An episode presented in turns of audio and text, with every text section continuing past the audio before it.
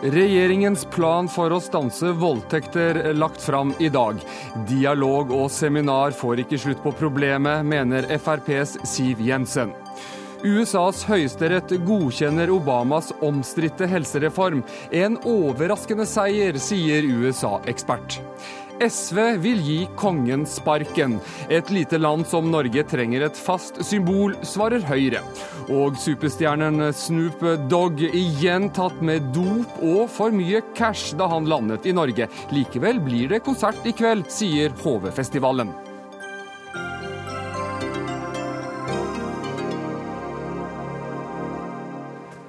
Dette er eh, noen av eh, sakene i Dagsnytt 18 eh, i kveld. Jeg heter Erik Aasheim. Senere i sendinga skal vi også høre at det er riktig å nå la afghanerne overta. Det mener i alle fall, i alle fall utenriksminister Jonas Gahr Støre, som i går kveld kom hjem fra besøk hos de norske styrkene for siste gang. Og han kommer til Dagsnytt 18 litt senere i denne sendingen.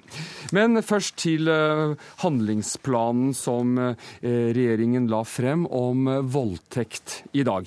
Etter et enormt fokus på både fest- og overfallsvoldtekter, så lovet regjeringen å gjøre noe med det de har kalt for nestendrap. Og eh, Jan Bøhler fra Arbeiderpartiet, du er nestleder i justiskomiteen. Eh, dere sier altså at målet er å få flere til å anmelde eh, voldtekt, og vil senke terskelen for å oppsøke både politi og hjelpeapparat. Hvordan skal dere få dette til? Det er viktig å begynne fra grunnen av, fra skolen, med en bedre kunnskap eh, blant lærerne om hvordan de skal snakke med elevene om dette her. Mm. Med kunnskap som skal spres til foreldrene om hvordan man skal forstå disse spørsmålene. Eh, kunnskap ut i innvandrermiljøene, som ofte kan ha andre forståelser og bakgrunn i sin kultur når det gjelder, når det gjelder voldtekt og overgrep. Sånn at eh, Det som skal senke terskelen først og fremst, er en mye bredere innsats. og Her er det jo fire departementer eh, som er inne i å komme med nye tiltak. Så Én ting er liksom etterforskningsdelen og den politimessige delen, men alt det som eh, kommer i forkant, er det jo lagt stor vekt på i denne handlingsplanen. Men opplæring i skolen f.eks., altså vil det føre til at flere jenter vil anmelde voldtekt? Jeg tror det. At ja. de vil forstå altså Hvis de er på eksempel, Det framgår at 30-40% av voldtektene er festrelaterte.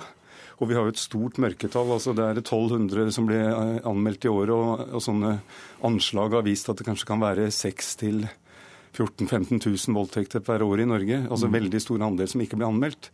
Og det å forstå at dette er en voldtekt, dette er et overgrep, f.eks. det som kalles sovevoldtekter, det er viktig at unge jenter lærer seg den forståelsen. Mm. Og får snakket om det før det kan skje, og da blir flinkere til å sette grenser og flinkere til å gå til politiet. Ja, og I denne planen så er det jo satt av 600 000 kroner til å, til å utvikle en, en, en, en brosjyre for ungdom da, som skal handle nettopp om å sette grenser for egen kropp. Mm. Men, men, det er vel de eneste pengesummen som, som, er konkret, og som følger med i, i denne, denne tiltaksplanen? Ja, men det er jo eh, i budsjettet vi bevilger penger. Ja. Og det er for sånn I år så er den voldtektsenheten i Kripos bygd opp. Det kommer fire nye stillinger i år. Sånn at de har et team nå på 14 personer som bistår politidistriktene med etterforskning. Eh, det er, det er tiltak eh, i hvert politidistrikt i forhold til å bygge opp disse ressursene. Sånn at, og, og, og det som angår lærerundervisning, kommer jo på andre poster enn en, en det som ligger i denne handlingsplanen. Så handlingsplanen trekker sammen mye av det som er lovt politisk sagt i ulike debatter i Stortinget og andre steder, når vi har fått det politiske fokuset senere året, og, og, skal få etatene og sånn til å handle. Sånn at Det er mye her man ville ha hørt i debatter og kjenner igjen fra resonnementer tidligere, men så kommer man til det punktet at ting må skje, og det har aldri vært en sånn handlingsplan tidligere, og det er det dette handler om. Ikke minst eh, også debatter her i Dagsnytt 18, eh, Jan Bøhler, fordi dere har sagt mange ganger at det er viktig å øke kvaliteten i, i straffesaksbehandlingen, og, og det er også et viktig poeng i denne handlingsplanen. Mm. Eh, men det koster vel også penger? Altså Det er eh, mange ledd i det. Det er f.eks. veldig avgjørende at de, de, som utsettes for voldtekt og overgrep, opp, oppsøker det overgrepsmottaket, altså mottaket veldig tidlig ved mm. legevaktene. Det er, det er noen og tjue sånne mottak rundt i landet, sånn at man kan sikre spor. Noen går hjem og dusjer, venter med det. Eh, kan til og med trenge å tenke over det noen dager. Og da er det veldig vanskelig for politiet å sikre spor på samme måte. Så det er å lære seg sånne ting, hvordan man skal handle når det skjer. Få god informasjon om det. Og det er også eh, politiets metoder, for, du, for du ha, det er veldig Eh, varierende selvsagt, kvalitet, kompetanse rundt i politidistriktene når det gjelder eh, f.eks. bruk av DNA. Hvordan man finner det som heter genetiske spor, DNA-spor, som kan ofte være noe av det viktigste i disse sakene. Leder i Fremskrittspartiet, Siv Jensen, nå har du hørt noen av punktene i denne handlingsplanen, men du, du kaller det likevel for en skuffende svak plan. Hvorfor det? Det er skuffende svakt, fordi dette er en plan som nesten utelukkende handler om evalueringer, seminarer og kanskje det mest hårreisende er jo et forslag om en såkalt dialogprosjekt, hvor man mener altså at voldtektsofre skal sette seg ned sammen med overgriper og snakke sammen. Hvorfor er det hårreisende? Jo, for det, ikke, det, det blir ikke færre voldtekter av det. Mulig at overgriper etter hvert oppdager at han har gjort noe dumt, men sannheten er den at jenter i dag vegrer seg for å anmelde voldtekter til politiet. Fordi bruker, man bruker altså ni måneder på å etterforske sakene. Men det er det nå eh, fokus på i denne planen, da, Siv Jensen. Det er, jo et av, det er jo et av de viktigste forslagene, kanskje? Problemet er at det ikke følger noen penger med. Eh, mm. Politiet er allerede underbemannet. Politiet trenger mer ressurser. Man har ingen konkrete forslag knyttet til det å få en raskere behandling av DNA-analyser. Det er altså private bedrifter som står klare, kan gjøre dette på et par dager. Politiet bruker måneder selv. Det er altså mangel på konkrete tiltak. Det er ikke en eneste frisk krone til økte politiressurser. Til tross for at det har vært masse fokus i media på hvordan vi skal bekjempe disse overfallene. Og når svaret til regjeringen først og fremst er mer dialog, så blir jeg oppgitt. Dialog er veldig fint i gitte sammenhenger. Forebygging er veldig bra i gitte sammenhenger. Det dette handler om, er at jenter, kvinner, skal kunne gå trygt rundt i Oslos gater, i landets gater, uten å føle frykt for å bli voldtatt. Du rister på hodet, Jan Bøhler. Ja, jeg, jeg tviler på at Siv Jensen har lest planen. fordi eh, at hun liksom det som hun virkelig oppøser seg over, er eh, et uh, lite punkt her med liksom tiltak 31 om forsøk med dialog. Er, hele planen er preget av et mye bredere spekter tiltak som jeg trakk opp i stad. Ja, men det er mye Også, dialog og seminarer, det nevnes, eh, det nevnes?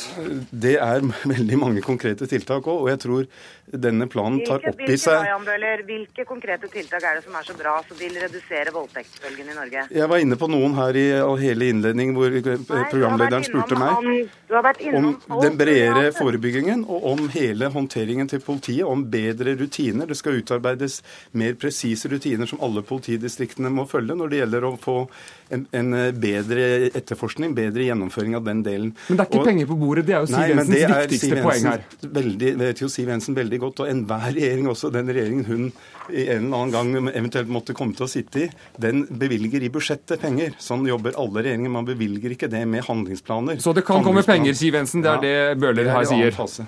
Ja, Det gjenstår å se. Nå har jeg sittet på Stortinget i ganske mange flere år enn Jan Bøhler, og det er fortsatt slått at vi har en underdekning i politiet. Det er Sannheten er den at vi får færre politifolk per innbygger enn det som har vært målsettingen de siste årene.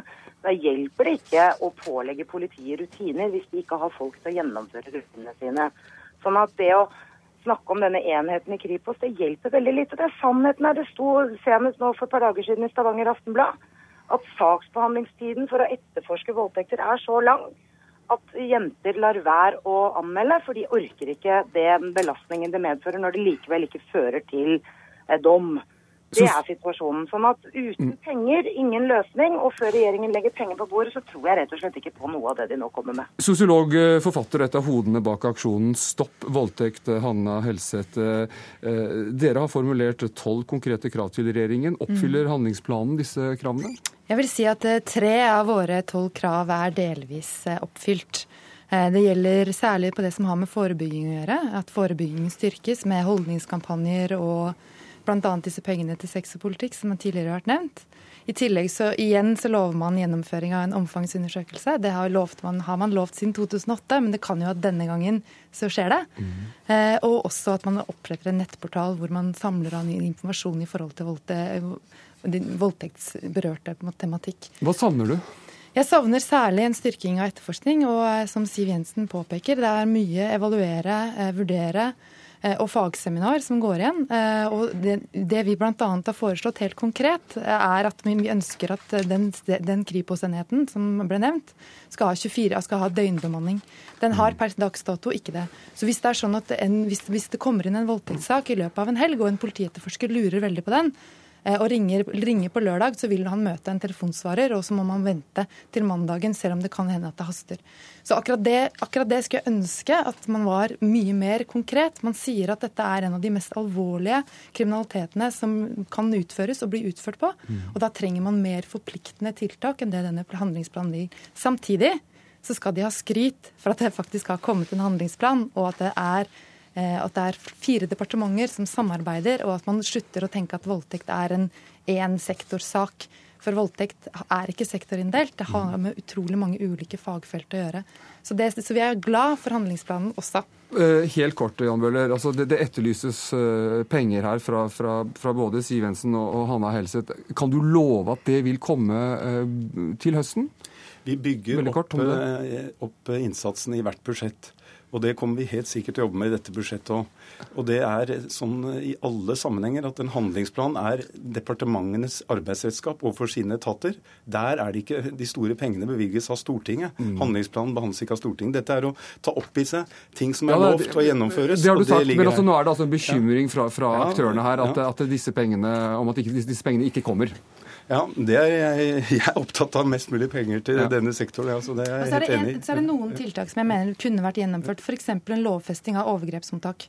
Eh, det er, det er, ikke noe som man trenger penger for å gjøre, men det blir ikke gjennomført. Og, og Samtidig som man sier at overgrepsmottak er helt avgjørende. Og Da burde man også ta på seg mm. den bitte lille penneskriften og, og, lovfeste det. Og Amnesty International Norge har også tatt til orde, orde for en endring av norsk eh, straffelov her. Eh, Patricia Cathy. du mener at den norske straffeloven strider med internasjonale menneskerettigheter. På, på hvilken måte? Den strider med internasjonale internasjonale menneskerettigheter ved at uh, internasjonal menneskerett fastslår at en voldtekt defineres av en mangel på samtykke. Altså det at jenta har sagt nei. Mens norsk straffelov uh, krever at det skal bevises at voldtekten er begått ved vold eller truende atferd. Og det fikk dere ikke gjennomslag for her? Nei. FN har i mars i år kommet med en tydelig og konkret kritikk av norsk uh, straffelov og sagt den må endres. Den må fjerne eh, kravet om vold og truende atferd og få inn en mangel på samtykke som det definerende elementet i voldtektsloven. Jan Bøhler, en, en, endring, en, lovendring er vel ikke vanligvis en del av en handlingsplan, men, men kan det være tiltak? Altså, har du sans for det forslaget fra Amnesty her? Ja, Vi har diskutert det tidligere, men eh, som sagt så er ikke det i denne handlingsplanen vi ser på det. Så det vi kommer tilbake til. Det står faktisk eh, som en del av, av, handlingsplanen, men det står i så utrolig vage formuleringer at, eh, at det er helt intetsigende. Det står at det skal lages et hø høringsnotat om endring i straffeloven. Mm. Vi har nå en film på våre nettsider som jeg oppfordrer alle til å gå inn på. Ja, Vi skal høre litt av den her nå. Bare hør på, på hvordan den lyder. Hei. Mål? Vi skal ikke gå tilbake, da. Kom igjen, da. Ja, Hva er budskapet her, Patricia Kati? Den viser at jenta sier klart og tydelig nei, men hun blir ikke hørt. Og hun blir ikke hørt av gutten som begår en voldtekt, eh, som er en voldtekt i henhold til internasjonale menneskerettigheter, men som per i dag ikke er en voldtekt i henhold til norsk lov. Men den type holdningsarbeid det, er jo, er, fokuserer jo regjeringen på i sin handlingsplan. Det er jo det når, Bøhler nå har fortalt. Men når loven ikke gir, eh, fastsetter en riktig norm, en norm som fastslår at et nei er et nei og må respektere, respekteres annerledes. Hvordan skal du da kunne drive godt holdningsskapende og forebyggende arbeid eh, rettet mot barn og unge? Siv Jensen, er det, god, er det et godt forslag her fra Amnesty å, å endre loven, som, som de tar til orde for? Jeg syns vi definitivt må se på straffeloven, men ut fra flere eh, perspektiver. Det ene er at vi faktisk må se på strafferammene for voldtekt, som er veldig lave. Og se på hvordan man kan øke bruken av forvaring. Det vil også ha en sammenheng. Vi vet at det dessverre er en del gjengangere som begår denne type handlinger. Eh, og når Jan Bøhler sier at nei, eh, vi, har brukt, vi, har ikke vært opptatt av straffeloven når vi har sett på denne, denne handlingsplanen mot voldtekt, det burde man være. fordi det handler altså om å få straffeforfulgt dem som begår disse uhyrlige handlingene mot uskyldige kvinner. Og mange av de er dessverre gjengangsforbrytere og bør straffes hardt. Jan Bøller, altså, vi, vi, økte strafferammene for voldtekter for et samlet enstemmig storting. økte de i 2010. Sånn at det ble økt nedre grense tre år. Og så er det opptil 21 år for de alvorligste tilfellene hvor det er flere personer sammen eller gjentatte tilfeller. Så det er, det er lovens høyeste strafferamme, 21 år. Hvor det også kan være forvaring.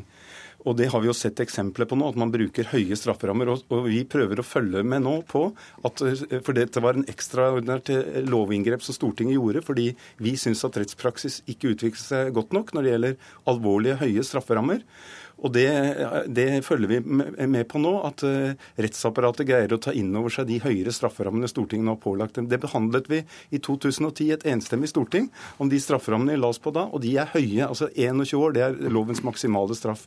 Det som tas opp om samtykke, uh, det som foreløpig er har vært diskusjon det er om ikke lovens formuleringer i eh, paragraf 192 er dekkende for det man snakker om samtykke. For det er så uttrykt dette med press, vold, at man, setter, eh, at man utøver dette overfor personen. At eh, det, det oppfattes at det, det, ligger det samme i det. Men jeg er klar over at Amnesty har der en annen vurdering, som vi får komme tilbake til. Og da må vi sette punktum for denne runden her i Dagsnytt 18. Justisminister Grete Farmo hadde ikke anledning til å være med i, i denne debatten. Men takk til deg, Jan Bøhler fra justiskomiteen, Hanna Helseth, sosiolog og forfatter, Patricia Caté i Amnesty og Siv Jensen i Frp.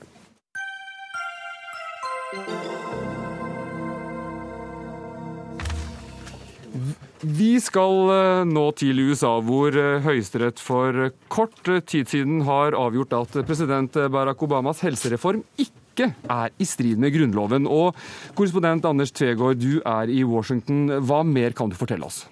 Det er en splittet høyesterett som har vurdert et helt sentralt punkt om amerikanerne kan pålegges å kjøpe helseforsikring eh, eller risikere bøter. Med én stemmes flertall så mener Høyesterett at myndighetene har fullmakt til å innhente en slik skatt, at det ikke strider mot Grunnloven. Dommen er en seier for presidenten. Dette er hans prestisjeprosjekt. Han har handlet innenfor Grunnloven. Men det betyr ikke at kampen er over av den grunn. Og uh, President Obama han skal nå hvert øyeblikk holde en, en tale, eller iallfall gi en kommentar til, til dette vedtaket. Tvegård, du, du får følge med der de neste minuttene så tar vi deg inn litt senere i samtalen, så vi får høre hva Obama nå, nå, nå sier på amerikansk TV. Eh, Hilde Restad, du er seniorforsker ved Norsk utenrikspolitisk institutt, og, du sier dette er en overraskende eh, dom fra Høyesterett. Hvorfor det? Eh, de aller fleste hadde spådd fram til i dag at det som kalles for the individual mandate, som jo som Anders Tregård sier er påbudet til å kjøpe helseforsikring, mm. ville bli funnet eh, grunnlovsstridig. Eh, antagelig en 5-4-avgjørelse, eh, men så ble det altså 5-4 for. Eh, og da med høyesterettsjustitiarius John Roberts, en meget konservativ mann, som da faktisk stemte med de liberale dommerne. Ja, hvorfor tror du han gjorde det? Det er det helt umulig for meg å, å si. Hvorfor? Forhåpentligvis pga. at han mener at loven ikke er grunnlovsstridig. Men han har jo da vurdert det som en skatt. Og det å skattlegge folk er jo ikke grunnlovsstridig. Det som da er en skatt, er at um, loven påbyr alle å kjøpe helseforsikring. Hvis man ikke gjør det, så vil man få en uh, bot. Og det er, det, det er, den boten som da skal være en skatt. Men det er heller ikke første gang ved amerikansk høyesterett at man har sett konservative dommere blir, blir mer liberale med, med årene? Det er det ikke. Det er ikke sikkert det som skjer her, for det er for tidlig å si med Roberts. Men det var vel ikke så mange Det var mye spekulasjon på hvordan Roberts kom til å stemme. Men så langt har han jo vært veldig konservativ. Og det at han nå er den, den ene personen som redda, som redda helsereformen til Obama, er jo eh, et slags paradoks. Og som eh, Tvegård nevnte, dette er jo en veldig viktig seier for, for, Obama. ikke sant? Det er det helt klart. Eh, for øvrig også en seier for Mitt Romney, som jo hadde akkurat samme helsereform i Massachusetts i 2006. ja. uh, Minerva-skribent Jan Arild Snoen, du kjenner det politiske landskapet i USA godt, og, og, er vel det nærmeste vi kommer en skal vi si, republikaner her i studio. Og, hva, hva betyr dette for republikanerne i presidentvalget framover? Det betyr at de nå har noe å kjempe imot, noe å mobilisere imot. og Det er da fordelen for dem. Jeg er enig i at dette er en seier for eh, Obama, men det er også en seier som skaper visse problemer. Ikke minst fordi grunnlaget for, eh, for å gjøre, si at dette er i, i, i pakt med Grunnloven, er at det er en skatt. Noe som Obama har vært veldig klar på at det er det ikke. Så dette går da rett inn i republikanernes argumentasjon at dette er en skatt. Mm. Så det er også en seier for eh, republikanerne? Det gir altså. i hvert fall republikanerne en mulighet for å drive valgkamp på dette. Det kunne ja. de ikke ha gjort hvis loven hadde blitt eh, fjernet nå. Og da hadde det blitt fokus på republikanernes alternativ på helsesiden, som ikke er spesielt godt utviklet, og i hvert fall ikke spesielt mye mer populært enn demokratenes. Men er du overrasket over avgjørelsen? Overrasket, men ikke sjokkert. Ja. Altså, det var, det, flertallet mente, som Hilde Restad sier, at eh, det ville bli, at det ville bli grunn, erklært grunnlovsstridig. Men det er ikke helt sjokkerende. Det er av og til vanskelig å vite hva eh, Høyesterett eh, mener, og det er riktig at det skal være litt overraskende av og til. Jeg skulle bare si at Republikanerne har jo kalt denne helsereformen for Obamacare frem til nå. Men nå driver de på Twitter og omdøper den til Obama Healthcare Tax. Okay. Så det kommer den til å bli kjent som fremover. Det blir jo det som blir valgkampen, da. Mm. Eh, nestleder for Democrats uh, Abroad, uh, Brad Larsson. Uh, du smiler veldig nå. God dag for deg. Ja, jeg er, veldig, veldig fornøyd med resultatet. vi var veldig usikre hvordan det skal gå. Men som Jan Arald sier, det, det, det, er, kan være, det være tvetydig. fordi det betyr at republikanerne vil nå ha noe å slås imot i valgkampen. Uh, men på en måte det er ikke så verst, fordi vi vet at økonomi er det mest viktige ting. Så all tid som er tatt bort fra økonomi, er vi er fornøyd med. Mm. Uh, bare, bare, når vi prater om valgkampen selv. Selvfølgelig uh, vi, demokratene og republikanerne, må finne en måte å kompromisse og, og, få noen løsning for hva foregår. Men jeg, jeg tror det er, det er, vanskelig å få noe til til etter valget. Men um, Hilde Restad, dersom Høyesterett hadde, hadde, sagt at denne loven er grunnlovsstridig, det ville jo vært meget alvorlig for, for Obama? Ja, det ville det vært. Eh, ikke minst fordi at han satsa hele første perioden på å få gjennom en helsereform som jo er historisk. Eh, det er mye som ble skjøvet til side pga. den helsereformen, bl.a. Eh, forsøket med å legge ned Guantánamo Bay ble nok ofra til fordel for å få til en helsereform. Mm. Så hadde det til slutt da ikke fungert, så hadde det jo vært et eh, stort politisk nederlag. Ja, Anders Tvegård i Washington, du har nå akkurat hørt hva, hva, Obama eh, sa i sin kommentar. Han var vel kanskje like glad som, som vår demokrat her i studio? Han, eh, Obama fortsetter å, å, å, prate. Han er ikke ferdig ennå, men han legger jo vekt på de uh, populære delene av uh, helsereformen. At forsikringsselskaper f.eks. For ikke kan uh, nekte folk som har et sykdomsbilde, å kjøpe forsikring. han innser at amerikanske folk er, er, delt, og at debatten må, må fortsette. Men dette her er en, en, seier for ham, og han presenterer dette her nå i, i Det hvite hus. Rett før så var Mitt Romney ute. Han sto på en talerstol der det hang en plakat eh, 'Tilbakekall og erstatt eh, Obamacare'. Eh, Mitt Romney han sier at han på første dag som president vil omgjøre reformen i den grad det er mulig. Han mener den dreper jobbskaping, at bedrifter ikke vil ansette flere nå fordi eh, det blir for dyrt når de må spleise på helseutgiftene. Og også at det er den neste generasjonen som blir lidende og må betale for Obamas feilgrep. Amerikanerne har et helt klart valg i november. Ja, Jan Arild Snoen, er dette en god valgkampsak for, eh, for uh, Mitt Romney? Det hadde jo vært en bedre valgkampsak for en hvilken som helst annen republikansk kandidat. Eh, sånn sett så er, så er, det han er den som er minst egnet til å kjøre denne saken. Som, for, som Hilde Restad var inne på, så gjennomførte han noe lignende i Massachusetts. Mm. Litt... For der har jo Obama sagt at han hentet inspirasjonen nettopp fra, fra, fra den ja, reformen. Så er det, er flere ting som har skjedd. For det første så har da eh, republikanere beveget seg mot høyre i denne saken. Det amerikanske mm. folk har beveget seg mot høyre. Mm. Massachusetts er en veldig venstreorientert liberal stat. Dette var det eneste eh, Romney kunne få gjennomført der.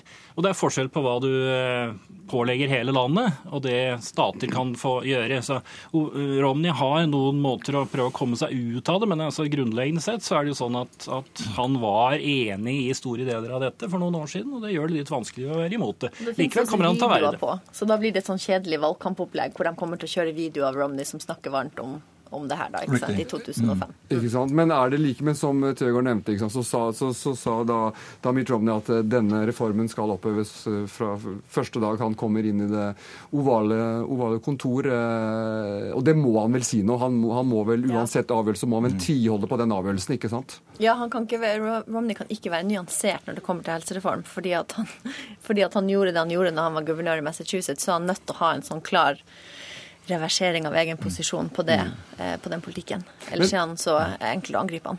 Mm. Men, men, men, denne loven trer jo ikke i kraft før, før, 2014, eh, så vi vet vel ikke helt noen hvordan, denne, altså hvordan den i praksis vil virke? Nei, altså Denne loven fases jo inn, uh, ulike deler av den. Si, noen av de mest populære delene er, er allerede faset inn, uh, men de viktigste kommer ikke før i 2014. og Det betyr også at valget nå til høsten blir veldig viktig.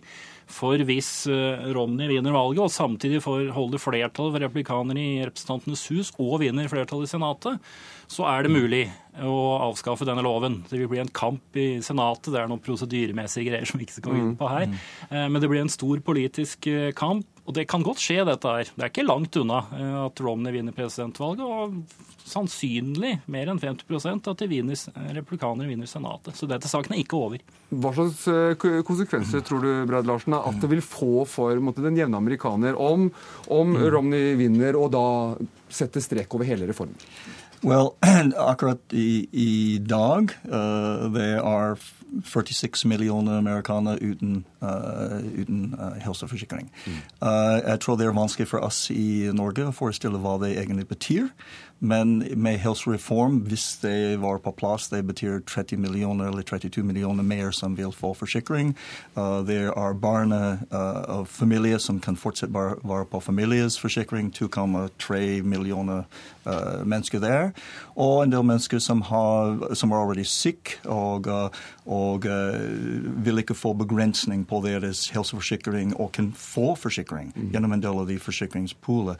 Så jeg syns hva Eh, det vil være veldig negativt hvis det ikke går gjennom. Uh, jeg syns også um, i valgkampen uh, Obama kan kjøre mot Romney, som er relativt uh, skal vi si, nodeless, hjerteless corporate type, som vil utsource som han har gjort gjennom Bain og noe sånt.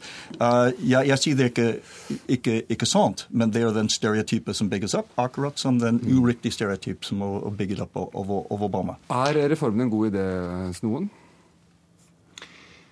Jeg har meninger om det, men det da trer jeg inn i en annen rolle enn det jeg er som, som nå. Det er fordeler og ulemper med en sånn, eh, sånn, reform, men den er i strid med det som har vært vanlig amerikansk politikk. Og det bryter med altså, den vanlige inndelingen, altså ansvarsdelingen mellom eh, privat og offentlig sektor i USA. Så Derfor er det en viktig lov, men det er også derfor det mobiliseres så mye krefter imot den. Republikanerne vil basere reform på, på markedskrefter mye mer mens dette er en mer statsdreven reform fra demokratenes side. Så det er et viktig skillelinje. Takk for at eh, du var med i denne runden, Jan Arild eh, Snoen. Og så takk til deg, Hilde Restad, du er seniorforsker ved Norsk utenrikspolitisk institutt. Og til nestleder for Democrats Abroad, Brad Larsen. Og dere skal vel kanskje feire i kveld med en hva skal vi si, hamburger og en Budweiser? Det, det skal vi, og vi skal også feire i Frogner Park på søndag 4. juli. Så uh, dere er velkommen å være med. Hør Dagsnytt 18 når du vil, på nettradio eller som podkast. nrk.no – dagsnytt 18.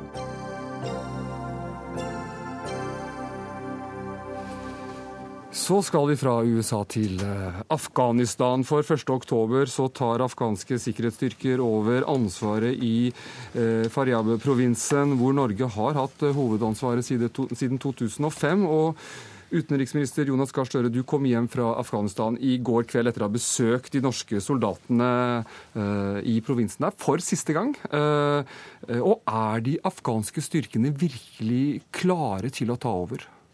Det er det helt klare budskapet de norske styrkene gir. De er imponert over både kapasiteten og motivasjonen de har. Det er nå de som leder det som er av stabiliseringsoperasjoner, sikkerhetsoperasjoner i den provinsen. Norge spiller en støttende rolle. Eh, så det får vi håpe. Eh, og grunnlaget for at vi nå kan gjennomføre denne overføringen av ansvaret, er jo det at det er også vurderingen til ISAF, altså til de internasjonale styrkene, at tiden nå er kommet for å gjøre dette i den provinsen. Og jeg, etter å ha vært der, er jeg helt sikker på at det er riktig å gjøre det nå. Hva er utfordringene? Ja, Utfordringene er eh, for den sikkerhetsstyrken å ha det gode samspillet med myndighetene i Faryab og de nasjonale myndighetene. Det som er av konflikter i denne provinsen i dag, det er etter min mening konflikter som det er unaturlig at internasjonale styrker i lengden står for å håndtere. Det er interne afghanske rivaliseringer mellom etniske grupper, politiske grupper, økonomiske interesser, klaner osv. Og, så og det må afghanerne selv håndtere. Så er jo utfordringen der oppe utfordringer du finner i alle utviklingsland. Få til utvikling. Håndtere humanitære vanskelige situasjoner når det er tørke. Eh, sørge for at infrastrukturen blir bygget ut osv. Mm. Eh, Helge Lurås, eh, leder for den utenrikspolitiske tankesmien Senter for internasjonal strategisk analyse. Hva er det som forsvinner når de internasjonale styrkene trekkes ut og afghanerne overtar selv? Altså når det gjelder de altså militære styrkene, så er det klart det er mye som forsvinner når det gjelder forsyninger uh, og etterretning og en del sånne støttefunksjoner. Akkurat på, på, på infanterisiden så, så, har de jo allerede utført veldig mye av det som har skjedd. Men det forsvinner nok også en, en, form for selvtillit og moral, vil jeg tro, i og med at de vet at disse støttefunksjonene ikke er i bildet på samme tid. Og, og så er det da hvilken effekt dette har på den politiske realiteten i Afghanistan, sånn den indirekte der med effekten på, på sikkerhetsstyrkene. Mm. Eh, samfunnssjef i Flyktninghjelpen, Rolf Vestvik. Eh, eh, hvordan blir situasjonen for, for Flyktninghjelpen når de internasjonale styrkene forsvinner? Dere har jo mye arbeid i denne provinsen. Det vet vi ikke. Vi jobber etter nå tre forskjellige scenarioer. Det ene kaller vi for konflikt. Dvs. Si at dagens konfliktsituasjon kommer til å fortsette. Altså at man har en sterk sentralmakt i Kabul som har kontroll der, men det er konflikt rundt omkring i, i provinsene. Det andre scenarioet er det vi kaller for kaos, hvor du får virkelig en stor konflikt. Hvor også Kabul og de sentrale områdene av, av Afghanistan blir, blir, krigsområder. Og så har man da det tredje scenarioet som vi kaller for konsensus, eller altså at man får i gang en politisk dialog. og at den politiske dialogen overtar for eh, krig og, og, og konflikten som man, som man, har i dag. Mm. Jeg tror det er få gitt å, å, svare nøyaktig på hva som kommer til å skje, men et av disse scenarioene kommer nok til å spille seg ut. Vi er forberedt på alle tre. Og dere er bekymret også for at de, uh, interne rivalisering i de ulike gruppene skal kunne skape eller forverre situasjonen i regionen? Ja, og vi har jo sett uh, dessverre en økning av det vi kaller for uh, de konfliktpartiene parametrene som vi eh, jobber etter. Eh, I fjor, altså 2011, så ble det 185 000 nye internt fordrevne i, i, Afghanistan. Det er det høyeste antallet nye fordrevne siden 2004. Og det er en indikasjon på at volden i landet dessverre har, har, eh, har økt. Mm, men det kan det også bli mindre av, Jonas Gahr Støre, om afghanerne overtar kontrollen selv? Det kan bli mindre, og det kan bli mer. Flyktninghjelpen er jo en av de partnerne som Norge jobber med. og vi har bestemt oss for å fortsette å gi bistand til Faryab. Vi skal opprettholde vår støtte til Afghanistan i årene som kommer. Ikke nå begå den feilen som skjedde tidlig på 90-tallet, hvor det internasjonale samfunnet vendte Afghanistan ryggen. Men eh, det som blir en utfordring, og det er ingen gitt å svare, det er hvordan blir det å gjennomføre disse utviklingsoppgavene om ett år, to år og tre år. Mm. Men det jeg tror jeg er sikkert, det er at svaret på de utfordringene Afghanistan er, har, kan ikke være et stort internasjonalt troppenærvær over tid. Altså På et eller annet tidspunkt så er du nødt til å si at nå er tidspunktet kommet for at politikken må tilpasse seg, og det militære. Det var en stund noen sa at gir du en dato, så sier du bare til Taliban at vi venter til den datoen, så kan vi på en måte komme inn og begynne å gjøre oss gjeldende. Vel, det er én måte å si det på. Den andre måten å si det på er at når du gir en dato, som vi nå er enige om, i 2014, så må også resten av Afghanistan forberede seg på at de må ta det ansvaret. Og det tror jeg, Nå, nå har vi en to-tre års horisont mot den datoen, og nå har mange muligheten til å tilpasse seg. og Det er jeg helt sikker på under en vanskelig situasjon er riktig valg. Norge fortsetter, altså, ha, altså, lover altså, å fortsette å hjelpe Afghanistan, men hva slags, hva slags krav kommer dere med da? Altså For det første så kommer vi til å være til stede militært også til 2014. Jeg besøkte også spesialstyrkene våre i Kabul, som jo nå gjør en ekstremt viktig jobb. Og blir jo trukket frem av mange som å være absolutt ypperste klasse på de jobbene de gjør. Men det blir trappet ned etter dette ansvar, oppdraget i Faryab. Så vi, legger vi opp vekt på at utviklingshjelpen slik vi har organisert den, med mye vekt på utdanning, på landsbyutvikling, på humanitær hjelp, på styresett, den vil fortsette. Men den er ikke betingelsesløs. Og da er det særlig disse tre kamp mot korrupsjon. Vi må se en bedring. Vi må se en evne til å reagere mot korrupsjon, selv om det ligger dypt forankret i kulturen menneskerettigheter, sivile rettigheter, som afghanske myndigheter har påtatt seg å respektere. Vi, vi ser at det er et forskjellig samfunn fra vårt, men det må være en, en, en basisstandard. Og kvinners rettigheter. Men dette er jo en liste som, som, som brukes i Afghanistan og i alle land hvor, hvor Norge har uh, ja. samarbeid med. Men, men, hvordan skal dere følge dette opp? Nei, For det første må vi sørge for at vi må gi bistand på en måte som det er mulig for Afghanistan å motta på en meningsfull måte. Mm. Jeg tror Norge har lykkes bedre med det enn mange andre ved at vi ikke har splittet opp i veldig mange prosjekter som gir næring til korrupsjon. Husk på næring nærværet av det internasjonale samfunnet med over 100 000 soldater er jo også en enorm korrupsjonsmaskin. Mm. For det er masse penger i omløp, og det kan sette i gang veldig mange slike mekanismer. Hva tror du om dette, Vestvik? Jo, vi er veldig glad for at Norge, som et av de få landene faktisk, har forplikta seg til å gi like mye bistand til, til, Afghanistan når de har trukket det militære nærværet ut, som når man har et militært nærvær ut. Fordi Vi frykter også at en del andre land vil skjære ned på det sivile bidraget til Afghanistan når de trekker ut eh, eh, soldatene sine. Vi har to anbefalinger til den videre eh, bistandsinnsatsen. Det første er at man må fokusere på de akutte humanitære behovene som er i, landet. For det er fortsatt akutte humanitære behov for flyktninger, men også for, for andre i Afghanistan. Og Det andre man bør fokusere på, det er jo prosjekter som kan bidra til politisk stabilitet og politisk um, dialog mellom partene. Mm. Der finnes det et utall enkeltprosjekter, men de to hovedprioriteringene bør ligge til grunn. Helge Lurås, eh, til Aftenposten så, så, så sier du at de, de, de, de norske styrkene som nå, nå skal ut 1.10, uh, uh, gjorde mye galt de første årene. Hva, hva tenker du på det?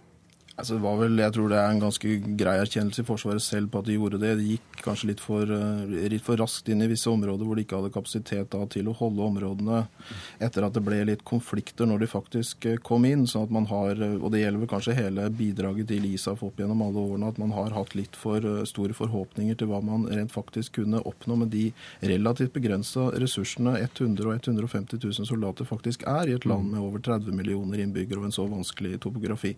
Men, men jeg, mitt inntrykk er også at norske forsvaret har lært av sine feil, og at den eh, på en måte posisjonen de har tatt i løpet av den siste tiden med mer tilbaketrukket, har også vært gunstig. Men det er jo litt det som er med hele innsatsen her, er at man har, man, har, man skulle hatt den erkjennelsen som, som, Støre har nå, med at fremmede styrker kanskje ikke er løsningen, litt tidligere enn etter min oppfatning. Det var tegn ganske tidlig på at dette ville bli veldig vanskelig å oppnå. Men, men, så, man, så utfasingen skulle ha startet på et tidligere tidspunkt? Ja, altså jeg mener man aldri burde kommet opp i den opptrappingen som man begynte begynte med, egentlig som var gradvis fra 2005, men som spesielt tiltok i 2008 og 2009 med Obama, den har egentlig på mange måter vært bortkasta når vi ser også hvor fort man trekker ned. Men det sagt, jeg mener også at det er riktig nå å trekke ut styrkene. Det er bortkastet større, er du enig i det? Det er sånn historien vurderer. Det er klart at det er veldig komplekst det bildet å evaluere hvordan, hva, hva betød det nærværet. Men, men, vi venter tror... ikke på historien. Hva tenker du om det da? Nei, du har akkurat vært der. Jeg, ja, men jeg tenker det at for det første så vil jeg, vil jeg få lov til å berømme her måten norske soldater løser sitt oppdrag på. Jeg har vært der mange ganger, og, og, og jeg syns det er, som Lurås sier de, de ligger, eh, de, de ligger i, i, miljøet der på en måte som ikke er veldig profilert. De støtter de afghanske styrkene, som har signaturen. Eh, men jeg er helt sikker på at mye av det militære nærværet har også bidratt til å forsterke konfliktlinjer. Fordi at et nærvær som er av den karakter som blir over tid, blir jo av mange sett på som at det er okkupasjon og innblanding på et vis. Eh, eh, og, og nå har vi altså stått liksom der dobbelt så lenge som annen verdenskrig varte. Det sier liksom noe om tidsperspektivet. Men det er også riktig, tror jeg, at når vi trapper ned, så gjør vi det med ganske forutsigbar tidshorisont. Altså Dette vedtaket ble jo truffet i 2009-2010 mot 2014 slik at alle kan tilpasse dette på en fornuftig måte. Mm. Og så skal vi ikke undervurdere at det å trekke ned er nesten vel så komplisert som å bygge opp. Altså Det å få, uh, få kvinner og menn og utstyr ut på en uh, forsvarlig måte, det er en stor logistisk oppgave, og det er det våre styrker nå bruker mye tid på. Jeg vet ikke hvor mange vanlige folk du, du rakk å møte i, i provinsen denne uka, Støre, men, men, har du likevel fått et inntrykk av om, om, om lokalbefolkningen er liksom engstelig nå for, for å bli bli aleine her? Noen er det, helt sikkert. Men hvis du besøker Maimane i dag, det, det, altså med det sikkerhetsnivået vi har for oss, som jo er veldig strengt, og det tar jo jeg til etterretning, så kommer ikke vi ut blant sivile. For det har aldri vært så strengt som på denne turen? Nei, og det må jeg bare ta til etterretning. Jeg på en måte selv personlig skulle ønske at jeg kunne gått ut og vært blant folk, men sånn er det. Men når du kjører gjennom Maimane by, som er liksom hovedstaden der oppe i, i, i Faryab, så ser du jo en by hvor det er veldig mye utvikling på gang sammenlignet med for ti år siden. Kabul også er jo en mye mer pulserende by enn det var. Så jeg, ofte så tar vi ikke hensyn til at Afghanistan er sammensatt. Det er mange veldig kritiske historier, men det er også mye som går positivt. President eh, Hamid Karzai, hva sa han til deg om dette? da? Er han nå, er han nå ja, hadde, klar for det som skjer? Han kommer til Norge i september, håper vi på. Ja, Du, eh, du inviterte han, han svarte ja med en gang? Statsministeren inviterte han, og han eh, har svart ja. Han har jo en utfordring som jeg tror ingen politikere i verden vil misunne han. Altså Han skal forsøke å få til en politisk forsoningsprosess i landet. Han går av i 2014 etter to perioder. Og så har han altså en opprørsutfordring fra et naboland som gir dem sikkert tilholdssted. Og Pakistan er den store X-faktoren her. Det er også i og for seg Iran, men Pakistan særlig. Og det å stabilisere Afghanistan, få til politikk og utvikling der med det nabolandet, det er jammen ikke lett. Jonas Gahr Støre, takk for at du kom hit til Dagsnytt 18. Takk også til deg, Helge Lurås, leder for, den, for Tankesmien senter for internasjonal strategisk analyse, og til samfunnssjef i Flyktninghjelpen, Rolf Vestvik.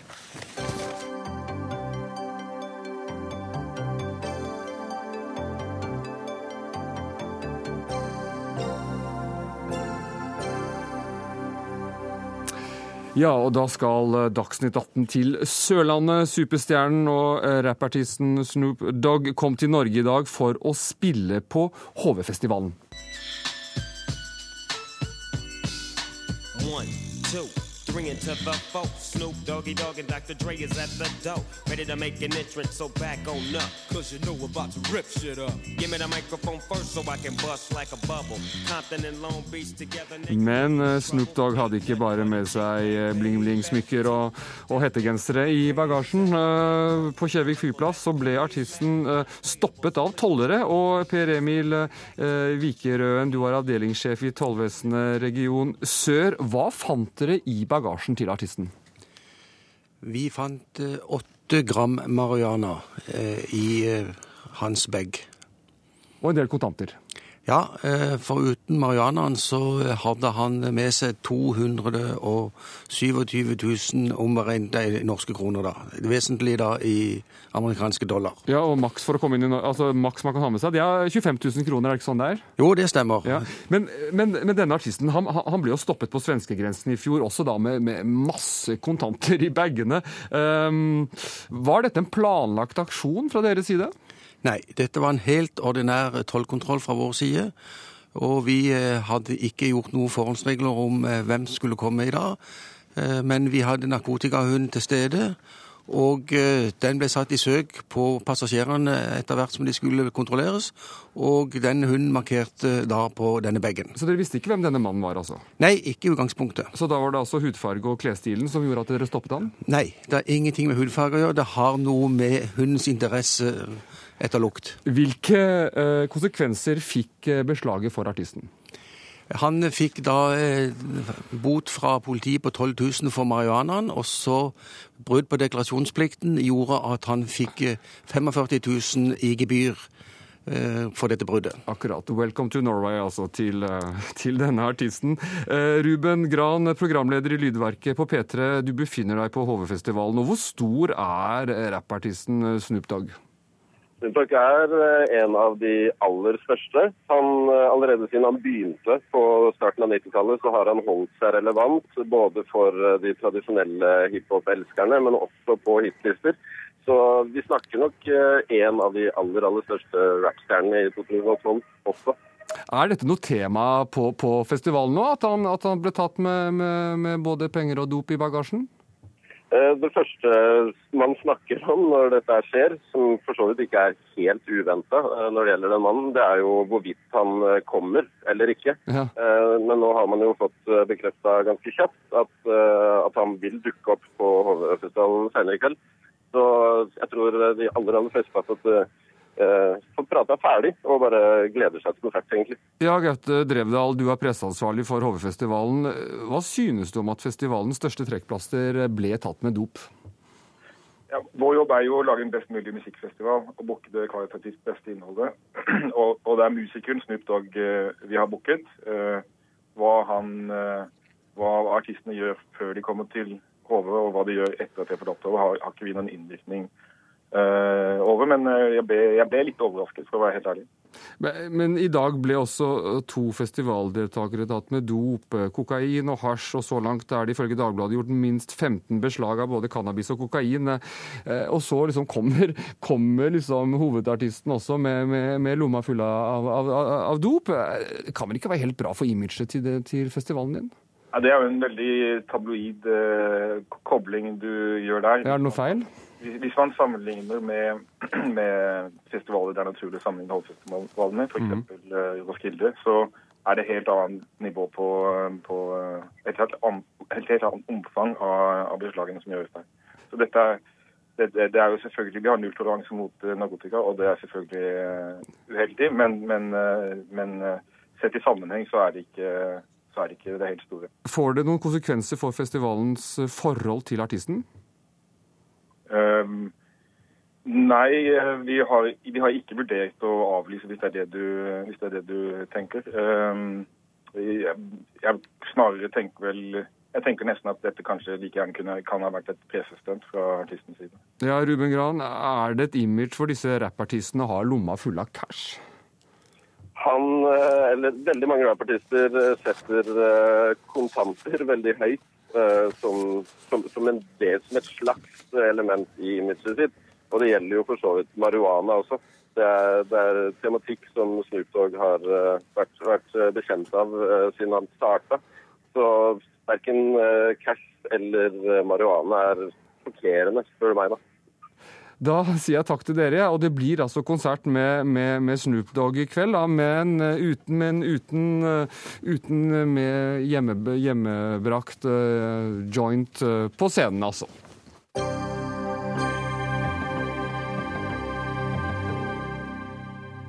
Denne uka åpnet Olje- og energidepartementet 72 blokker i Barentshavet for leteboring.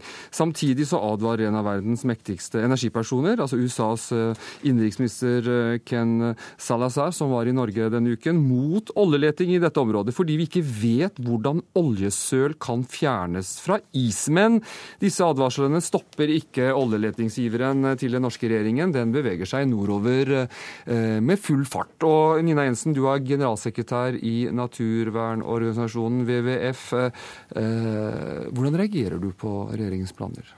Nei, Dette syns jeg er eh, veldig skuffende og viser jo at de ikke tar inn over seg de realitetene som vi står overfor. Arktis eh, har aldri vært inne i en mer alvorlig situasjon. Isen smelter, og i hovedsak som følge av olje- og gassvirksomhet. Når regjeringen da setter fullt tempo på oljeleting i det samme området, så er det forstemmende. I tillegg så har eh, alle de miljøfaglige etatene frarådet dette. I over 90% av blokkene så sier de et faglig nei, og vi har ikke god nok beredskap. Ja, Alle faglige råd uh, går altså den veien. Uh, Ivar Vigdenes, du er politisk rådgiver i Olje- og energidepartementet, men likevel så Dere lar, lar dere ikke stoppe av det? Jeg tror at vi skal være glad i Norge for at vi lever i en eh, parlamentarisk eh, rettsstat. Og Det betyr jo at eh, vi som utøvende myndighet vi skal da forholde oss til de planer som Stortinget legger. Og de rammene som Stortinget legger for norsk olje- og gassvirksomhet. Og det gjør vi gjennom forvaltningsplanene. Og ikke gjennom de innspillene som mer smale organisasjoner som WWF representerer. Det er jo ikke så smalt, for det er jo faglige råd fra en rekke instanser som har advart eh, mot det, eh, oljeleting. Det er ingen av de faglige organene tilhørende regjeringa som har uttrykt at de har ny vesentlig informasjon i forhold til det som lå til grunn når forvaltningsplanen ble vedtatt. Dette er jo helt feil.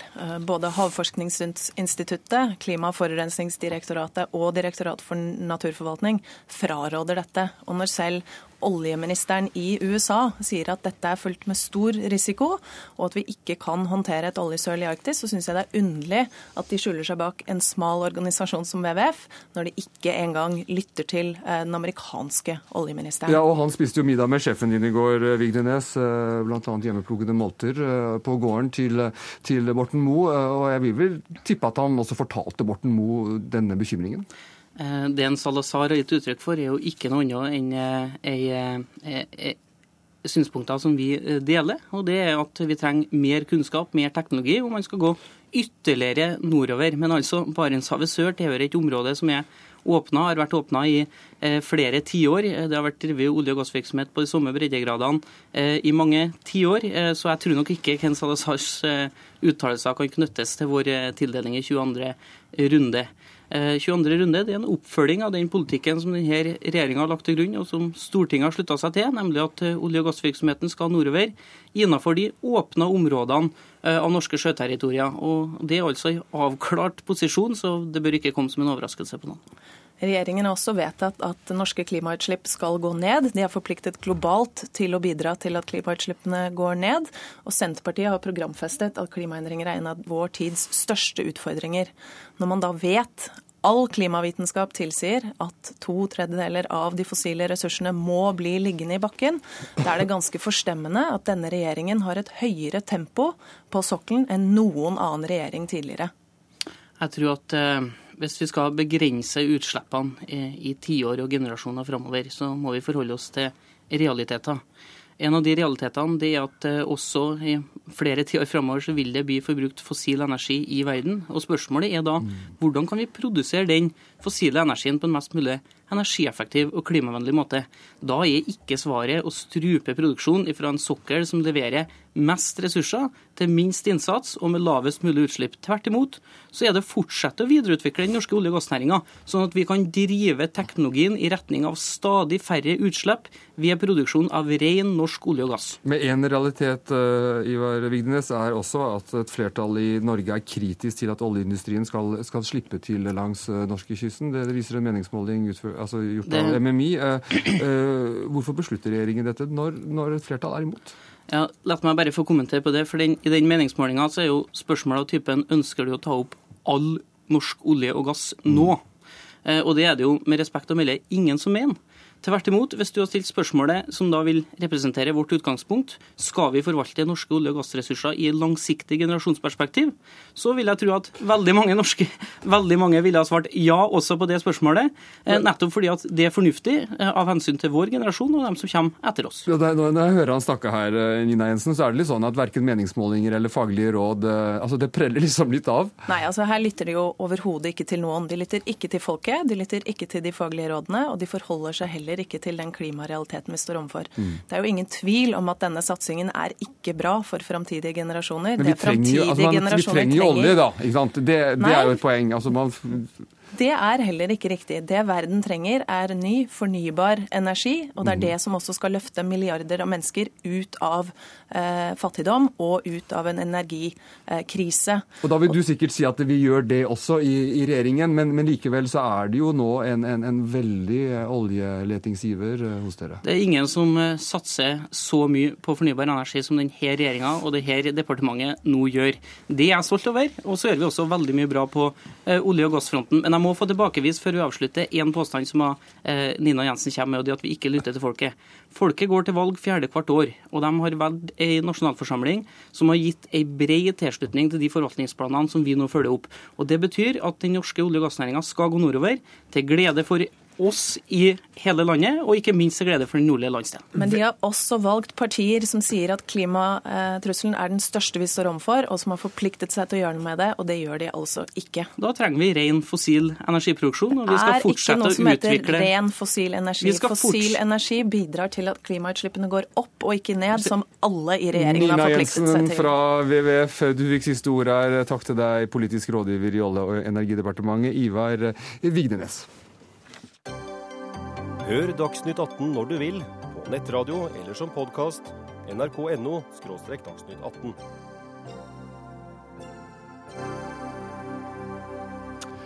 Og Sosialistisk Venstreparti vil eh, endre Grunnloven og gi kongen eh, sparken 1.1.2018. Eh, for tolvte gang så fremmer SV forslag om å legge ned kongehuset og innføre republikk. Og stortingsrepresentant for SV, Snorre Valen, tidligere har de ment at kongen skulle gå på dagen, men denne gangen vil dere altså gi ham eh, oppsigelsestid? Ja, kongen bør ha oppsigelsesvern som alle andre. Ja. Eh, det vi gjør denne gangen er å fremme år, da. 2018 har seks års oppsigelsestid. Ja. Vi syns det er ganske romslig. Ja.